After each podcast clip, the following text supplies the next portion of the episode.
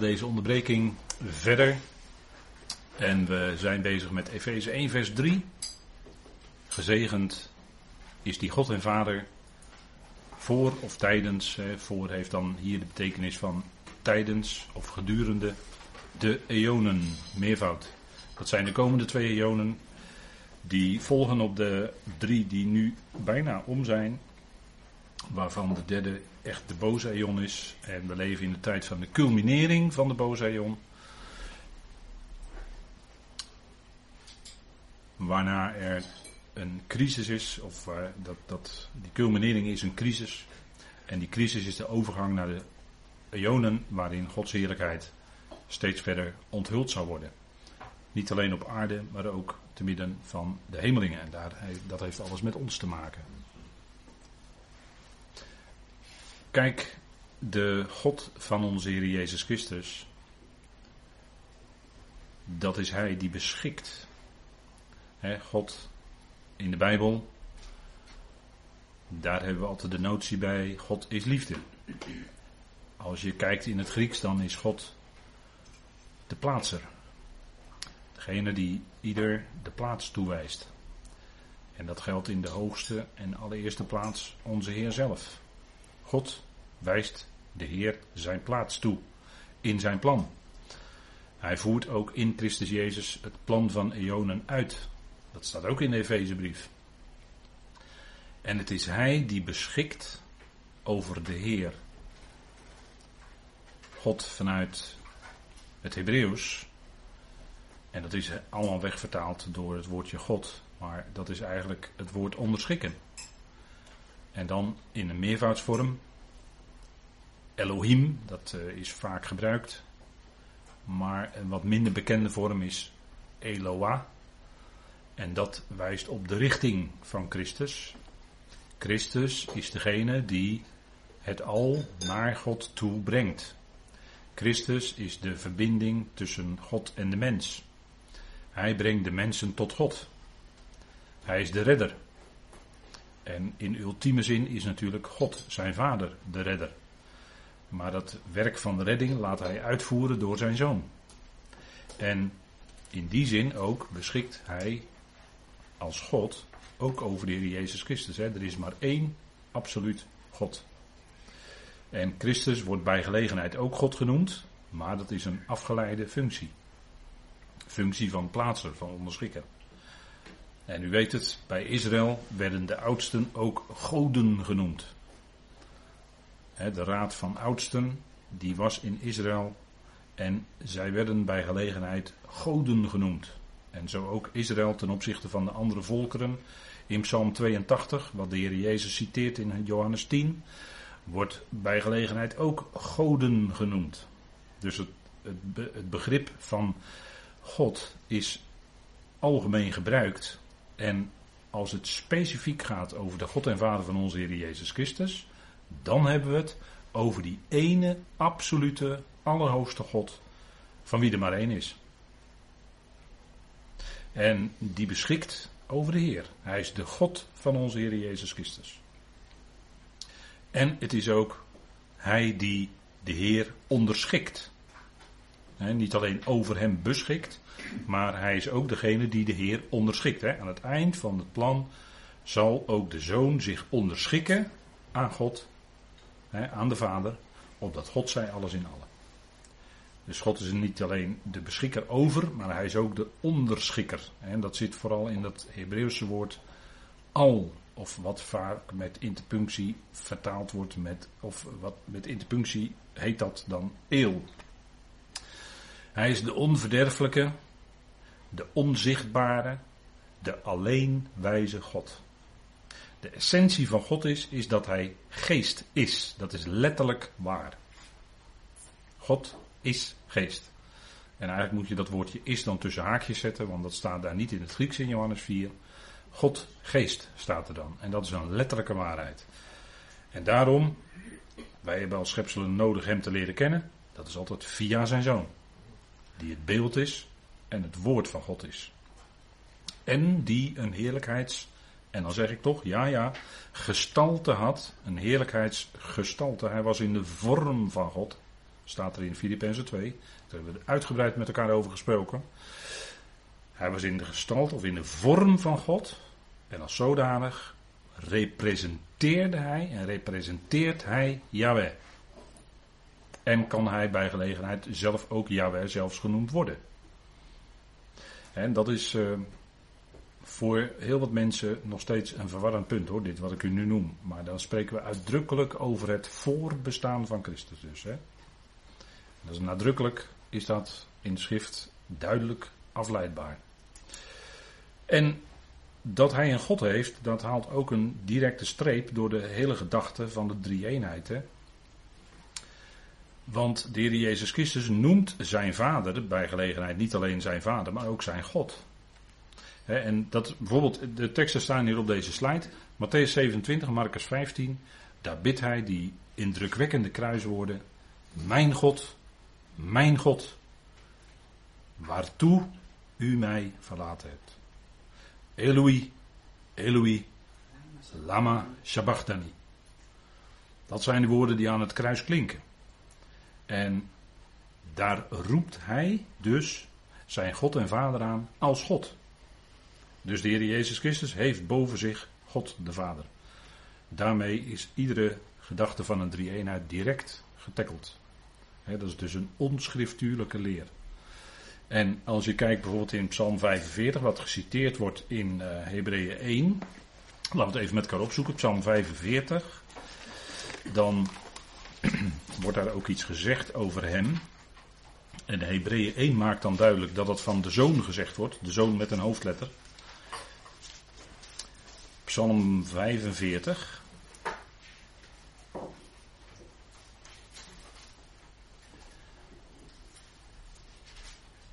En dat is een prachtige psalm. Dat is de koninklijke psalm. En natuurlijk spreekt ook deze psalm over de Messias, over de Heer Jezus Christus. Uw troon staat er dan in vers 7, psalm 45, vers 7. Uw troon, o God, bestaat eeuwig en altijd. En er staat er eigenlijk le olam vaat, of vaet, hoe je het uh, in de punctie ook wil duiden. Maar in ieder geval betekent dat voor de eon en verder. Dus daar wordt gehind op de. Met dat en verder wordt dus nog gehind op de vijfde eon. De Le Olam, dat is de Olam van het koninkrijk. Dat is de vierde eon, wat wij achteraf weten. En en verder betekent dan daarna, dat is de vijfde eon. En dat wordt natuurlijk in de schriften later verder gepreciseerd. En er staat er de scepter van uw koninkrijk is een scepter van rechtvaardigheid. U hebt gerechtigheid lief en haat goddeloosheid. Er staat er eigenlijk het woord voor slechtheid. Daarom heeft uw God u gezalfd, o God. Dus hier staat dat met vreugdeolie boven u met gezellen. Dus er staat dat degene die hier als God wordt aangesproken, gezalfd wordt met vreugdeolie door God. En daarin zien we dus dat die God die in vers 7 bedoeld wordt, uw troon, o God, dat hij nog een God boven zich heeft. Ik hoop dat u dat kunt volgen als we dat zo met elkaar bespreken. Maar in Hebreeën 1 wordt deze, wordt deze tekst ook aangehaald. Laten we het ook even met elkaar opzoeken. Want daar wordt het uitgewerkt en wordt het gezegd dat het tegen de zoon wordt gezegd. Hè? Dus die wordt aangesproken met God.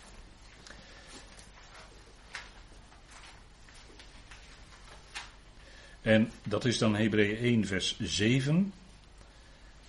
En van de boodschappers zegt hij weliswaar, die zijn boodschappers maakt tot geesten en zijn dienaren tot een vuurvlam. Maar tegen de zoon, uw troon, o God, bestaat in de eon van de eon. In alle eeuwigheid is hier natuurlijk een flagrante misser van de vertalers. Er staat eigenlijk, uw troon, o God, bestaat in de eon van de eon. Dat is, en die uitdrukking, Twee keer enkelvoud. De eon van de eon komt maar één keer voor in de schrift. En duidt hier op de vijfde, de laatste eon. Want dat is het koninkrijk van de zoon. De scepter van uw koninkrijk is een scepter van het recht. U hebt gerechtigheid lief en haat ongerechtigheid.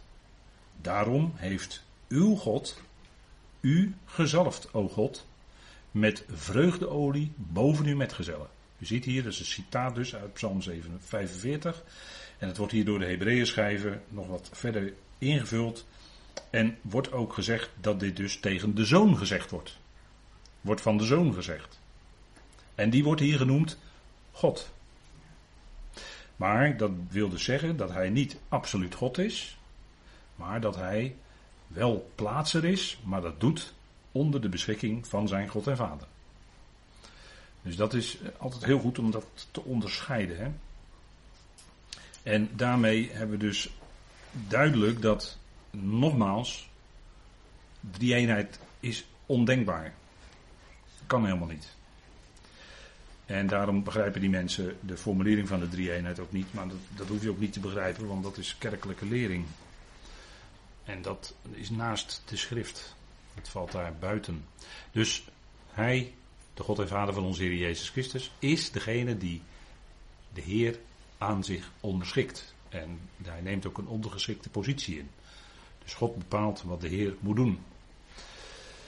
En hij is ook, dat is dan de volgende, de Vader van onze Heer Jezus Christus. Dat wil zeggen, God is de bron van alles. Uit hem is alles. Paulus zegt dat duidelijk, hè? Romeinen 11.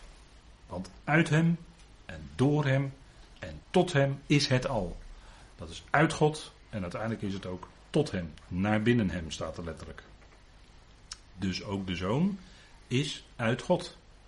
Dus ook de zoon heeft ooit een begin gehad. Hij wordt ook in openbaring genoemd, u ziet het hier hè, op deze slide, de oorsprong van Gods schepping. Hij is de eerst voortgebrachte, zegt Paulus in Colossense 1, hebben we ook met elkaar besproken, van heel de schepping. De eerstgeborene is natuurlijk beeldspraak, maar hij is wel de eerst gewordene, die eerst voortgebrachte kun je zeggen. Van heel de schepping. En in hem, Colossense 1 vers 16, in hem is het al geschapen. Dus eerst de zoon, als je het in tijdvolgorde zou willen zien. Eerst de zoon als primair. En in die zoon, in hem, in Christus, is het al geschapen. En is ook door hem en tot hem geschapen. Dus we zien altijd, God is de bron, hè? alles is uit God. En alles wordt uitgevoerd door of via de zoon. Of in de zoon mag je ook zeggen. En zo klonk het ook toen hij gedoopt werd. Er kwam een stem uit de hemel toen hij gedoopt werd. Deze is mijn geliefde zoon. Hoort naar hem. En dat zouden we dan ook doen. En dat doen wij. Nu de verheerlijkte Heer. Wij luisteren naar hem in de brieven van Paulus. En God is de bron. God is de oorsprong. God is degene die hem als eerste heeft voortgebracht. God heeft zich zou je kunnen zeggen, uitgedrukt in de zoon. Om zich bekend te maken aan al die schepselen die later uh, zouden komen. die later tot stand gebracht, die later geschapen zouden worden. En dat is ook in het, uh, dat is eigenlijk wel mooi, er is onlangs een boek verschenen van een uh, microbioloog, wetenschapper, die heeft laten zien dat aan de hand van onderzoek en hoe het DNA werkt en, en alles. Ik moet het even heel kort aanduiden, want ik ben absoluut ondeskundig op dat gebied. Ik weet er heel weinig van. Maar die, in dat boek duidt hij dus uit dat als je dat bestudeert en de nieuwste vondsten in verband met DNA die de wetenschappers hebben ontdekt, dat haalt eigenlijk een streep door Darwin, als u begrijpt wat ik bedoel. Darwin had een vorm van evolutietheorie, maar misschien was het ook nog zelfs wel meer filosofie. En daar wordt dus door die vondsten eigenlijk gewoon een dikke streep gehaald. En daarmee is Darwin definitief, en dat was al zo natuurlijk door de schriften. Darwin heeft nooit echt iets kunnen betekenen, want de schrift heeft altijd al gezegd dat God het geschapen heeft. Dus ja, wat wil je dan?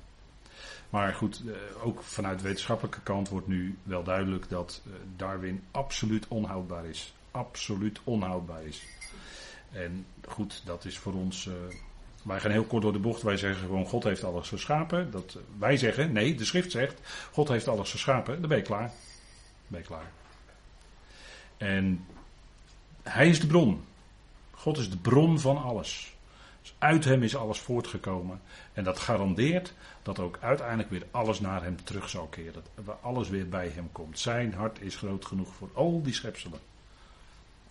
Ja, is machtig. Machtig. En dat wij als gemeenteleden daar zo'n belangrijke functie in mogen hebben. Laten we dat maar heel voorzichtig tegen elkaar zeggen. Dat wij zo'n functie daarin mogen hebben. Dat is puur en alleen genade. Kan het niet, we kunnen het niet anders omschrijven en tegen elkaar zeggen dan dat. Genade is het. Absoluut. En daarin, in dat machtige plan, mogen wij zelfs meewerken. Nou, het is, uh, het is heel bijzonder, hè? En dan staat er ook, die God en Vader van onze Heer Jezus Christus, die ons zegent. En dan staat erin als een feit, hè?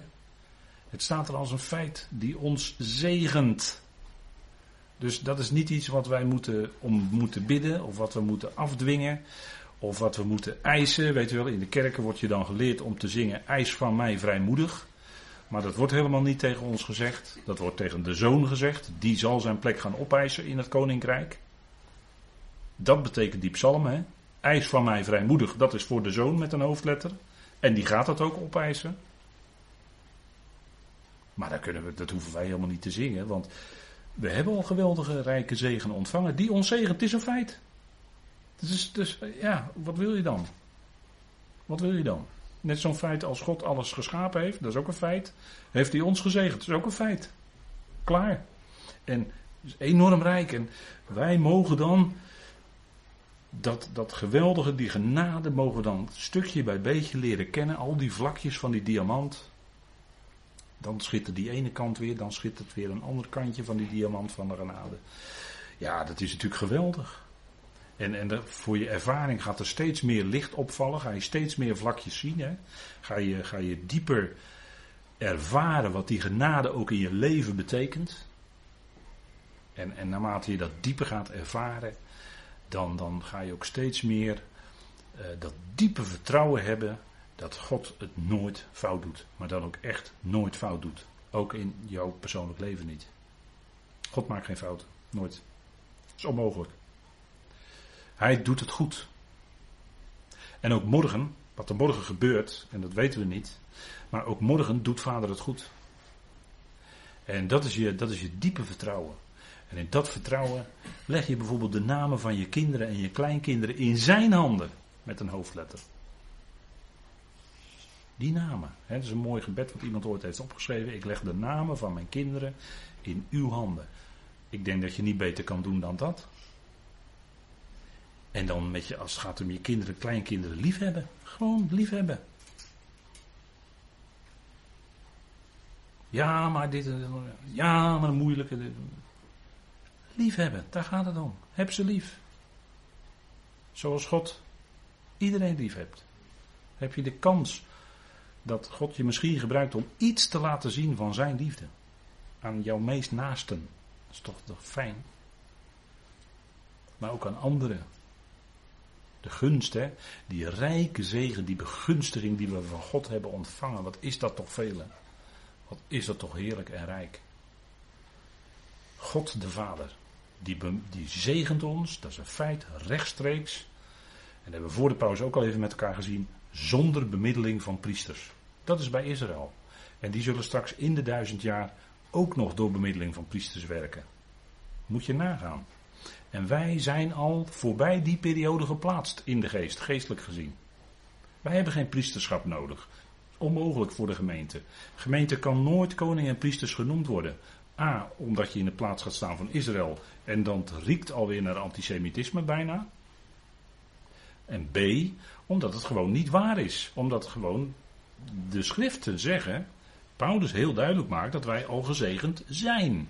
Zonder priesters, nee, als er één is die bemiddelt, dan is het Christus zelf. En we zijn in hem gezegend. Die zegen die hij heeft ontvangen, die hebben ook wij ontvangen. Hij is opgewekt uit de doden, wij zijn met hem opgewekt. Hij is levend gemaakt, wij zijn in Christus geestelijk gezien ook al levend gemaakt. Hij maakt deel uit als hoofd van die nieuwe schepping. Hij, als, als eersteling van die nieuwe schepping was hij daar, als opstanding uit de doden. En ook wij zijn in Christus, hebben wij deel, geestelijk gezien, aan die nieuwe schepping. Dus die zegen die hij heeft ontvangen, die ontvangen wij ook, want wij zijn in Christus. En dat is dus enorm veel, hè? Dat is veel. En dan, heb je, dan is het priesterschap ondenkbaar. Dat er nog bemiddeld zou moeten worden. Voor de pauze hadden we het even over met elkaar dat we altijd, waar we ook zijn, vrije toegang tot de Vader hebben. Nou, dan hebben we toch geen priester meer nodig. Die, die wordt toch niet genoemd. Nou, dat is toch een eerlijk iets dan. Dus als je de punten van de schrift op een rij zet, dan is priesterschap of koningschap nu op aarde voor gelovigen onmogelijk. Dat is dan ook aan Israël voorbehouden.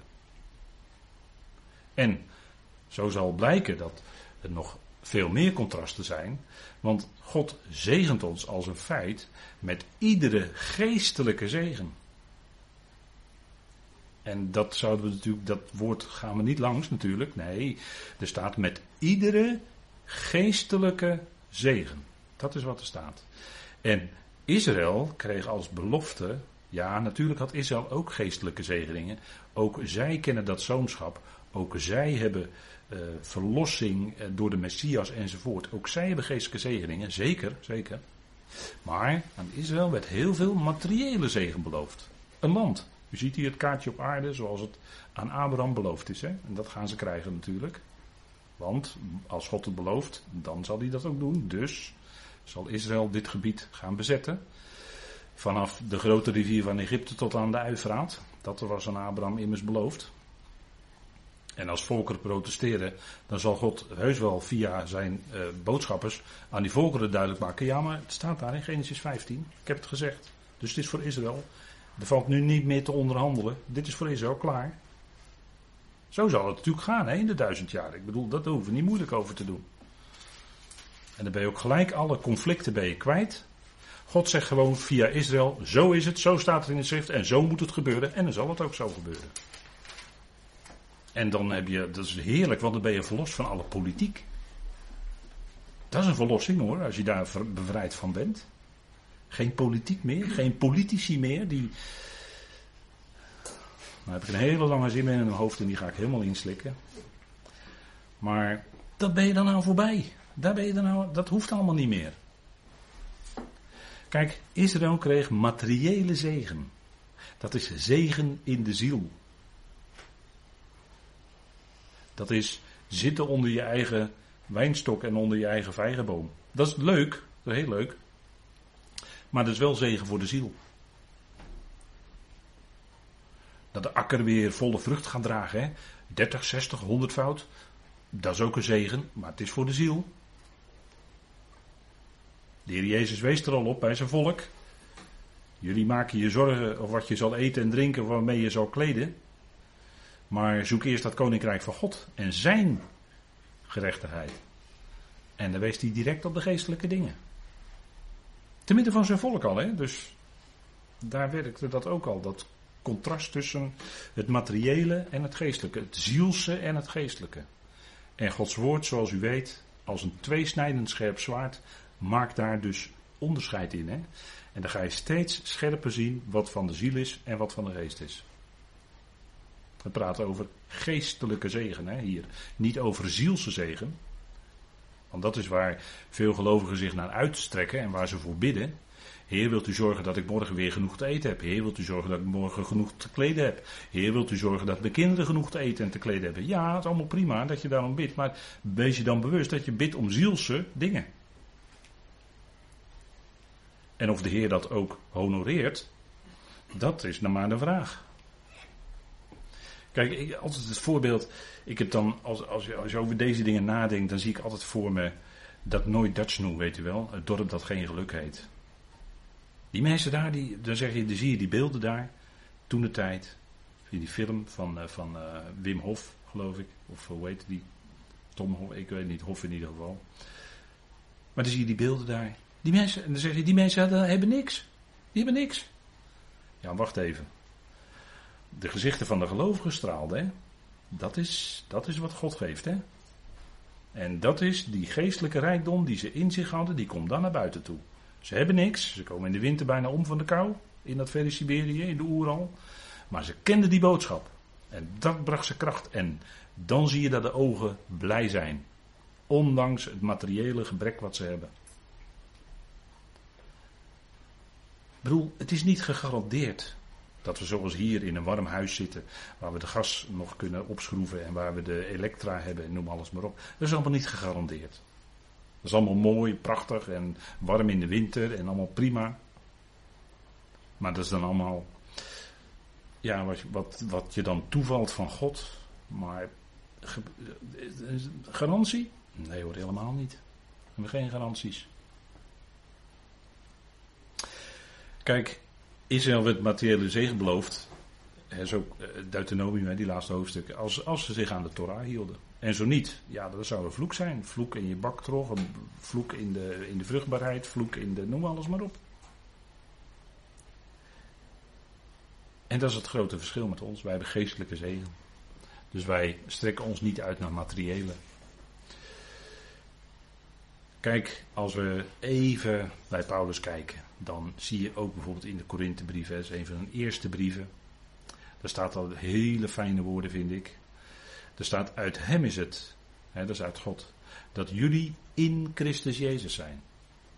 En als je dat bewust bent, wat dat betekent, dan word je blij als je dit leest die ons van God geworden is, of die ons wijsheid van God geworden is, als ook rechtvaardiging, heiliging en vrijkoping. Opdat, zoals geschreven is, hij die roemt, laat hij in de Heer roemen. En dat is een citaat uit Jeremia 9. En dan zegt God tegen Israël: Als iemand zich beroemt, laat hij zich dan erop beroemen dat hij mij kent. Israëliet, dat je mij kent, Yahweh. Degene die jullie met de machtige hand uit Egypte heeft verlost. Die jullie door de woestijn heeft geleid. Terwijl de sandalen onder jullie voeten niet versleten. Die gezorgd heeft dat jullie te eten hadden in de woestijn. Kijk, zo is, zo is Yahweh hè, voor zijn volk. Laat die, en kijk, die Corinthiërs, die Corinthiërs namelijk, die wilden roemen op mensen. Die wilden roemen op vlees. Die luisterden naar mensen die het prachtig konden vertellen met mooie volzinnen en een inleiding en drie punten en een slot en noem alles maar op. Hè. Allemaal prachtig konden ze spreken. En daar gaven de Corinthiërs dan hoog van op. En Paulus die ontnuchte dat. Die zegt jullie roemen op vlees. Maar daar gaat het natuurlijk allemaal niet om. Hij zegt het hier hè. Wie roemt, laat hij roemen in de Heer. En niet op mensen als uh, bijzinnetje dan. Hè. Bij de Corinthiërs speelde dat dus heel sterk, roemen. Dat woord roemen komt in die twee Korinthebrieven ook heel veel voor, dat kan je het dan zien. Dat de Corinthiërs dus daar heel erg mee bezig waren. En uh, Paulus was niet zo'n goede spreker. Paulus die sprak misschien wel te lang, hè, uit die gust die viel uit het raam en zo, weet u wel. Van die, van die, uh, en Paulus wekte hem op. Paulus was niet zo'n boeiende goede spreker. En toch was het gekke dat er mensen toch luisterde. Waarom? Niet omdat hij zo geweldig boeiend kon vertellen, maar omdat hij Gods woord sprak. Ze waren geboeid door de woorden van God. En dat, dat is goed. Dat je tijd reserveert in je leven, naast al je drukke bezigheden en beslommeringen en noem alles maar op. Maar dat je tijd neemt om echt jezelf even stil te zetten, om het zo maar te zeggen. En te luisteren naar die woorden van God ze te lezen. Sla die schriften op. We hebben een boekje brieven van Paulus in de concordante vertaling. Kunt u opslaan, nalezen. En laat die woorden dan op je inwerken. Zodat het je opbouwt, zodat je daar weer opnieuw door bemoedigd wordt. Het is Christus Jezus die dan tot je spreekt. Door die woorden die Paulus in zijn brief schreef. En hij is van ons wijsheid van God geworden. En we hebben voor ons dagelijks leven zoveel wijsheid nodig. Nou, als je wijsheid tekortschiet, dat zegt Jacobus toch ook? Bid God er dan om. Dat vader je wijsheid geeft voor al die stappen en stapjes in jouw leven. En, en vaak is het dan zo dat God door de omstandigheden al een bepaalde richting opgaat. En dan merk je, dat, ja, het gaat toch die richting op. Of andere kant op, kan ook. Maar wijsheid. Wat is nou wijsheid in de gegeven situatie? Je wordt steeds weer opnieuw voor dingen gesteld. Wat is nou wijsheid? Nou, dat is bidden om wijsheid. Bidden in de omstandigheden, dingen doen. En dan afwegen van wat is nu het beste. Ja, dat is een heel proces. Maar God geeft dan toch daarin een weggetje, om het zo maar te zeggen. Ja, dat moet er dan zijn, kennelijk. En ja, dan is de Heer is eigenlijk voor ons, uh, ja, hoe moet ik het zeggen? De Heer is eigenlijk voor ons alles, hè. Wat zouden we, wat, wat zouden we nou zonder hem kunnen? Wat, wat wilt u nou zonder hem? Dat kan toch helemaal niet? Dan kan je toch niet voorstellen dat je zonder hem leeft. Dan wordt het toch allemaal plat en leeg en materieel en, en dan ga je van het een naar het andere. Of dan lees je van het ene feestje naar het andere feestje, weet ik veel. Zo, zoals mensen leven, laten we eten en drinken en vrolijk zijn, want morgen sterven wij. Hè? Dat, eh, oh, daar hadden Paulus trouwens ook aan hè? in 1 Corinthië 15. Dat waren mensen die waren die verwachting van de opstanding een beetje kwijtgeraakt. En ik denk dat er geweldig perspectief voor ons is. Dat die opstanding, die gaat natuurlijk komen hè, bij de bazuin. Dat gaat gebeuren.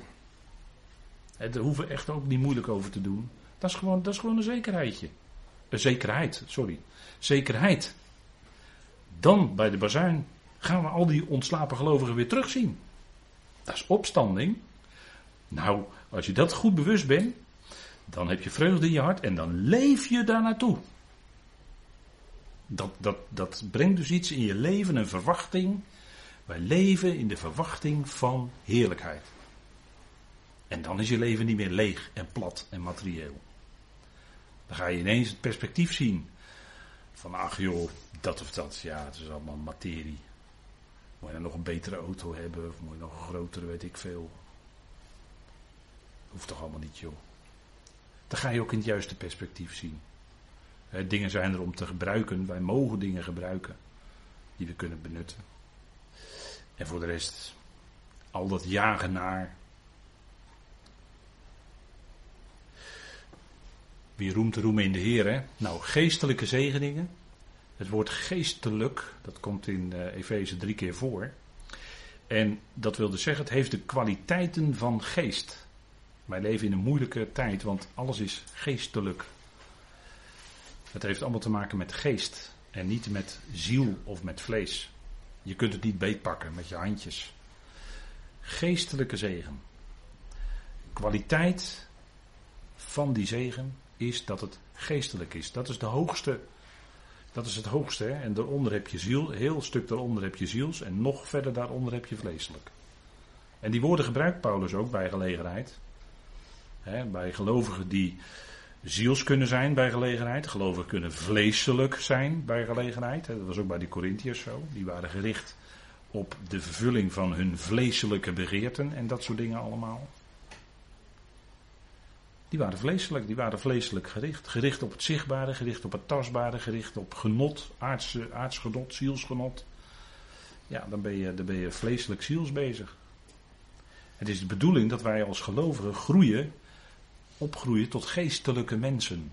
mensen die die kwaliteit met zich meedragen, geestelijk. Vrucht van de geest. Gericht zijn op de geestelijke dingen.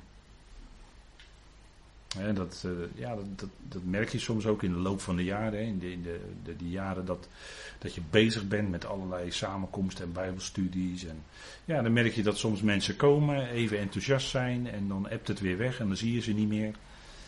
En eh, het gaat er helemaal niet om of dat wel of geen echte gelovigen zijn. Dat, daar gaan wij natuurlijk helemaal niet over. Dat is aan de Heer. Dat is ons, onze zaak helemaal niet.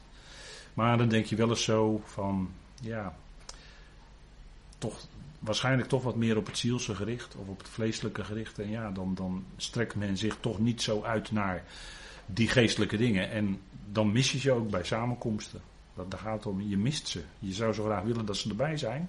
Maar ja, dan is er dit en dan is er dat en dan is er zus en dan is er die club en dan is er die uh, samen, andere samenkomst met andere dingen en noem maar op. Het zal allemaal heel leuk en aardig en nodig en nuttig zijn, maar ja.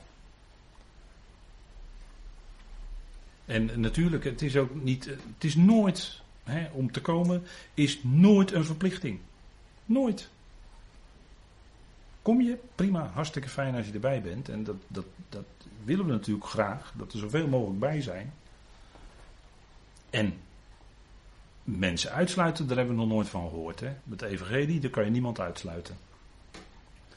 God is altijd inclusief. Het evangelie is verzoening van allen, voor allen, bestemd. Allen kunnen nu horen. Hij die horen wil, kom, kom meeluisteren. Deel mee in het geestelijke feestje wat we hier mogen hebben. Deel, deel daarin mee. Het is fijn als je erbij bent. En we verhinderen niemand. Iedereen is welkom. Dat is het evangelie. Je kunt nooit uitsluiten met hoe of wat dan ook. Kan niet, onmogelijk, doen we nooit. Want het is het evangelie juist voor iedereen. En als mensen willen horen, dat is toch fijn, dan mogen ze komen. Kom, hoor naar die woorden van genade. Hoor naar die Heer die zo naar je uitkijkt. Die zo dat verlangen heeft om ook met jou in, in contact te staan. En, en dat, dat verandert je leven zoveel ten goede. Het maakt je los van angsten. Dat is ook iets geweldigs, hè, wat Gods liefde doet. Hè. Dat bevrijdt een mens van angsten. En mensen zijn vandaag de dag angstig. En ik wil daarbij ook nog zeggen, ze zijn angstig gemaakt. En dat vind ik heel erg. En ze leven onder een, onder een, onder, onder een sluier, als het ware zou je kunnen zeggen. Er is een sluier van angst overheen gelegd. En dat wordt gebruikt. Dat wordt gebruikt. Punt is dat, kijk, als je bidt om die geest van wijsheid en onthulling in de erkenning van Hem, dan, dan als God je die genade geeft, gaat die geest ook in je werken. En dan ga je zien hoe het zit. Dan ga je met, ook met geestelijke ogen naar de dingen kijken. En dan kijk je anders. Dan kijk je anders. Kijk je met zielsogen, dan ga je op je gevoel af. Maar kijk je met geestelijke ogen, dan kijk je op een andere manier naar de dingen. Vanuit God. Vanuit wat God heeft gezegd in zijn woord. Wat gebeurt, wat op korte termijn zal gebeuren en wat op iets langere termijn zal gebeuren. Heeft God allemaal gezegd. En als je dat nauwgezet volgt, dan ga je vanuit dat perspectief, vanuit dat weten, ga je de dingen bekijken en dan kijk je er doorheen. Dan prik je er doorheen, om het zo maar te zeggen. En dan blijkt hoe het zit. Ja. De kwaliteiten van geest, hè? een geestelijk mens, die is zich bewust van de geestelijke zegeningen in Christus. En die kijkt op een geestelijke manier naar de dingen. En dat is, dat is anders kijken dan anderen. Ja, dat is nou helemaal zo. Dat is niet omdat wij beter zijn of dat iemand beter is dan de andere, gaat het helemaal niet om. Maar je hebt een ander perspectief. Je hebt een hele andere invalshoek. Ik denk dat het belangrijke dingen zijn. 6 vers 12, hè, Efeze, spreekt ook over die wapenrusting. Over die geestelijke machten van de boosheden in de lucht. En dat is heel erg, manifesteert zich in onze tijd heel erg. Heel erg. Ik had het net over angst, hè. Daar kun je het aan zien. Dat het zo is.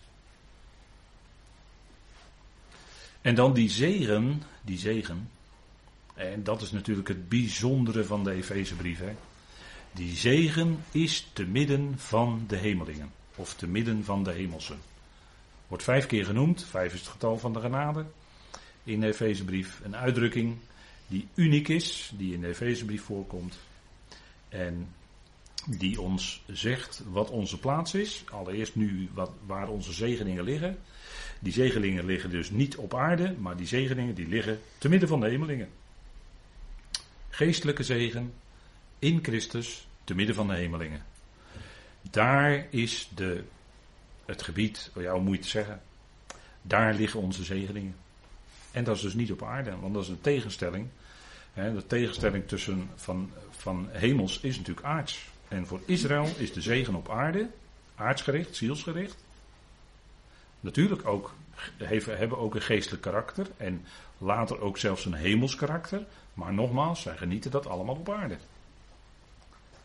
En onze zegeningen, die wij hebben mogen ontvangen, die zijn geestelijk, te midden van de hemelingen. En ook daar, daar is onze plaats, daar is onze positie als gelovigen.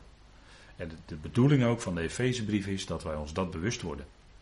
Dat, we, dat alle gelovigen, dat zou het mooiste zijn, hè, dat alle gelovigen dat, dat bewust zouden worden.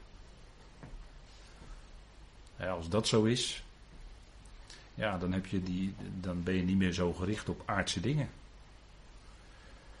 Dan zijn de gelovigen, de, gaan zich dan ook wat minder bemoeien met aardse dingen. om, om, om over het woord politiek dan maar te zwijgen. Maar dat is niet onze, onze plek. Niet onze plek. Onze plek is daar. En ja, dat is natuurlijk geweldig. Hè? Die, uh, dat is onze plaats, zegt Efeze 2. Onze plaats is daar. De prediking van die veelvuldige wijsheid. Gebeurt ook nu al te midden van de hemelingen. Dat gaat uit door het woord. Hè, de, de boodschappers en de hemelingen die kijken naar. Wij zijn een schouwspel, zegt Paulus. Hè, bedoelt, gebruikt hij het woord theater. Wij zijn het theater en de hemelingen kijken toe. Om het zo maar te zeggen zijn we ons eh, vaak niet zo bewust hè, dat het zo is, maar het is wel zo. En door, de, door datgene wat de gemeente uitbrengt, dat is ook een prediking van die veelvuldige wijsheid van God, die ook naar die hemelingen nu al uitgaat. Zijn we ons ook vaak niet zo bewust. Hè? Maar dan ziet u, hè, als we die dingen even, even een paar puntjes zo op een rij zetten, dan ziet u dat uh, de, dat de dingen, of datgene waar wij mee bezig zijn als gemeenteleden, dat het dus geestelijke dingen zijn en dat het alles te maken heeft met die hemelse machten en krachten. Die wij nu niet kunnen waarnemen. Dat is een, uh, misschien een vierde dimensie of zo. Hoe moet je dat zeggen? Zijn onze oogjes niet voor geopend, onze natuurlijke ogen? Maar we weten wel dat het er is. En we zien ook de uitwerking ervan. Dat is nou eenmaal met geest het geval. Hè? Je ziet het niet, maar je ziet wel de uitwerking ervan. Dat is ook met geesten. Je ziet ze niet, maar je ziet wel de uitwerkingen van in mensenlevens. En ja, dat, dat is toch uh, hevig aan de hand hoor. En die druk, die geestelijke druk, die wordt naarmate de tijd vordert steeds groter. Steeds duidelijker voelbaar in onze tijd. En daaraan zien we ook dat het hoog tijd wordt. Ja, Licht, hè? U ziet het op dit plaatje ook. Licht wat doorbreekt door die wolken heen. Zo zal de Heer voor ons zich manifesteren. Licht. Als we bij Hem zijn, is het ineens een en al licht. En die zegeningen is niet alleen hè, de, de sfeer en dat wordt geestelijk en wat de geest doet en heilige geest, daar komen we nog op terug in de toekomst. Maar voor nu even dit. Daar is nog veel meer over te zeggen natuurlijk, maar dat komt allemaal wel. Maar onze zegen is ook in Christus, in die gezalfde. Dat heeft ook te maken met geest. Hè? Olie, profeten, priesters, koningen werden gezalfd met olie. En olie is natuurlijk ook een type van de geest. Zij werden gezalfd. En van de Heer werd gezegd, al bij de aanvang van zijn bediening, daar past de Heer woorden op zichzelf toe uit Jezaja dat de Heer hem heeft gezalfd. En dan ging het niet zozeer om letterlijke zalfolie, maar dan ging het om de geest. Hij citeert dan Jezaja 61 in die synagoge daar. En past dat op zichzelf toe. Volkomen terecht, want hij is die Messias natuurlijk. En daarop werden ze boos. Ze werden boos en ze wilden hem toen al van de rots afgooien. Maar hij trok midden tussen hen door en hij ging weg. Maar hij werd al gezalfd bij het begin. En al dat hij de Messias, dat hij de gezalfde is, profeet, priester, koning, blijkt ook in de boekrol openbaringen. We hebben daar het uh, zogenaamde troongedeelte. En we hebben ook het tempelgedeelte in openbaring. En dan gaat het om zijn, uh, om de religieuze verlossing van de aarde. Dan gaat het om zijn uh, zaak, taak als zijn priesterlijke taak, om het zo maar te zeggen. Naast zijn koningstaak. En hij heeft ook boodschappen aan de Ecclesia's. Dat is zijn profetische taak. En in die volheid, profeet, priester, koning, blijkt dat hij het is. De Heer Jezus Christus is de, de ware profeet. Is de ware hoge priester moet ik dan zeggen. En de ware koning. En alle anderen die verbleken, die worden tot bijna niets in vergelijking met hem. Hij is de Allerhoogste. Hij is de ware. In Christus, in die Heer, in die gezalfde, zijn wij gezegend. Ja, dat is natuurlijk geweldig, hè, want dat heeft natuurlijk te maken met de kracht van de geest die door profeten, priesters en koningen heen werkte. Dat had ook te maken met de herderlijke functie, dat had te maken met de sprekende functie. En met de regerende functie. En het bemiddelen van zegen, het uitleggen van het woord, dat heeft er allemaal mee te maken. Maar daar is geest voor nodig om dat goed te doen. Geest. En hij was gezalfd. Hij is de gezalfde van God. En wij zijn in hem zo rijk gezegend. In die gezalfde. Dus ook de titel Christus heeft ook alles te maken met de geestelijke waarde. Dus ook daaraan zien we dat dat, dat, dat geestelijke, die geest zo ontzettend belangrijk is in deze brief, in deze tijd waarin we leven. En ik denk dat we ja, met elkaar deze dingen overwegen. En dat zijn bijzonder fijne dingen. En het aspect van in Christus, dat zullen we dan een volgende keer met elkaar verder, als God het ons geeft, uitdiepen.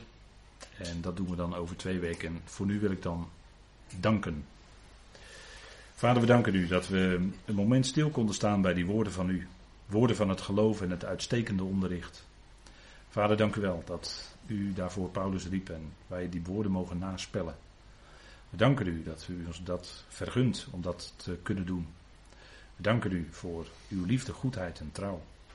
We danken u dat bij u de ruimte is, bij u volle liefde is. Bij u is alles wat goed is en zuiver en heerlijk. Vader, we danken u dat we u mogen kennen als de God en Vader van onze Heer Jezus Christus. We danken u dat we Hem mogen kennen als ons Heer en Hoofd. We danken u voor de medegelovigen met wie we op mogen trekken. Ook in deze tijd, waarin het allemaal wat lastiger is. Maar we trekken gezamenlijk op. En we danken u dat we dat mogen doen onder het beslag van uw woord. We danken u dat u ons dat vergunt.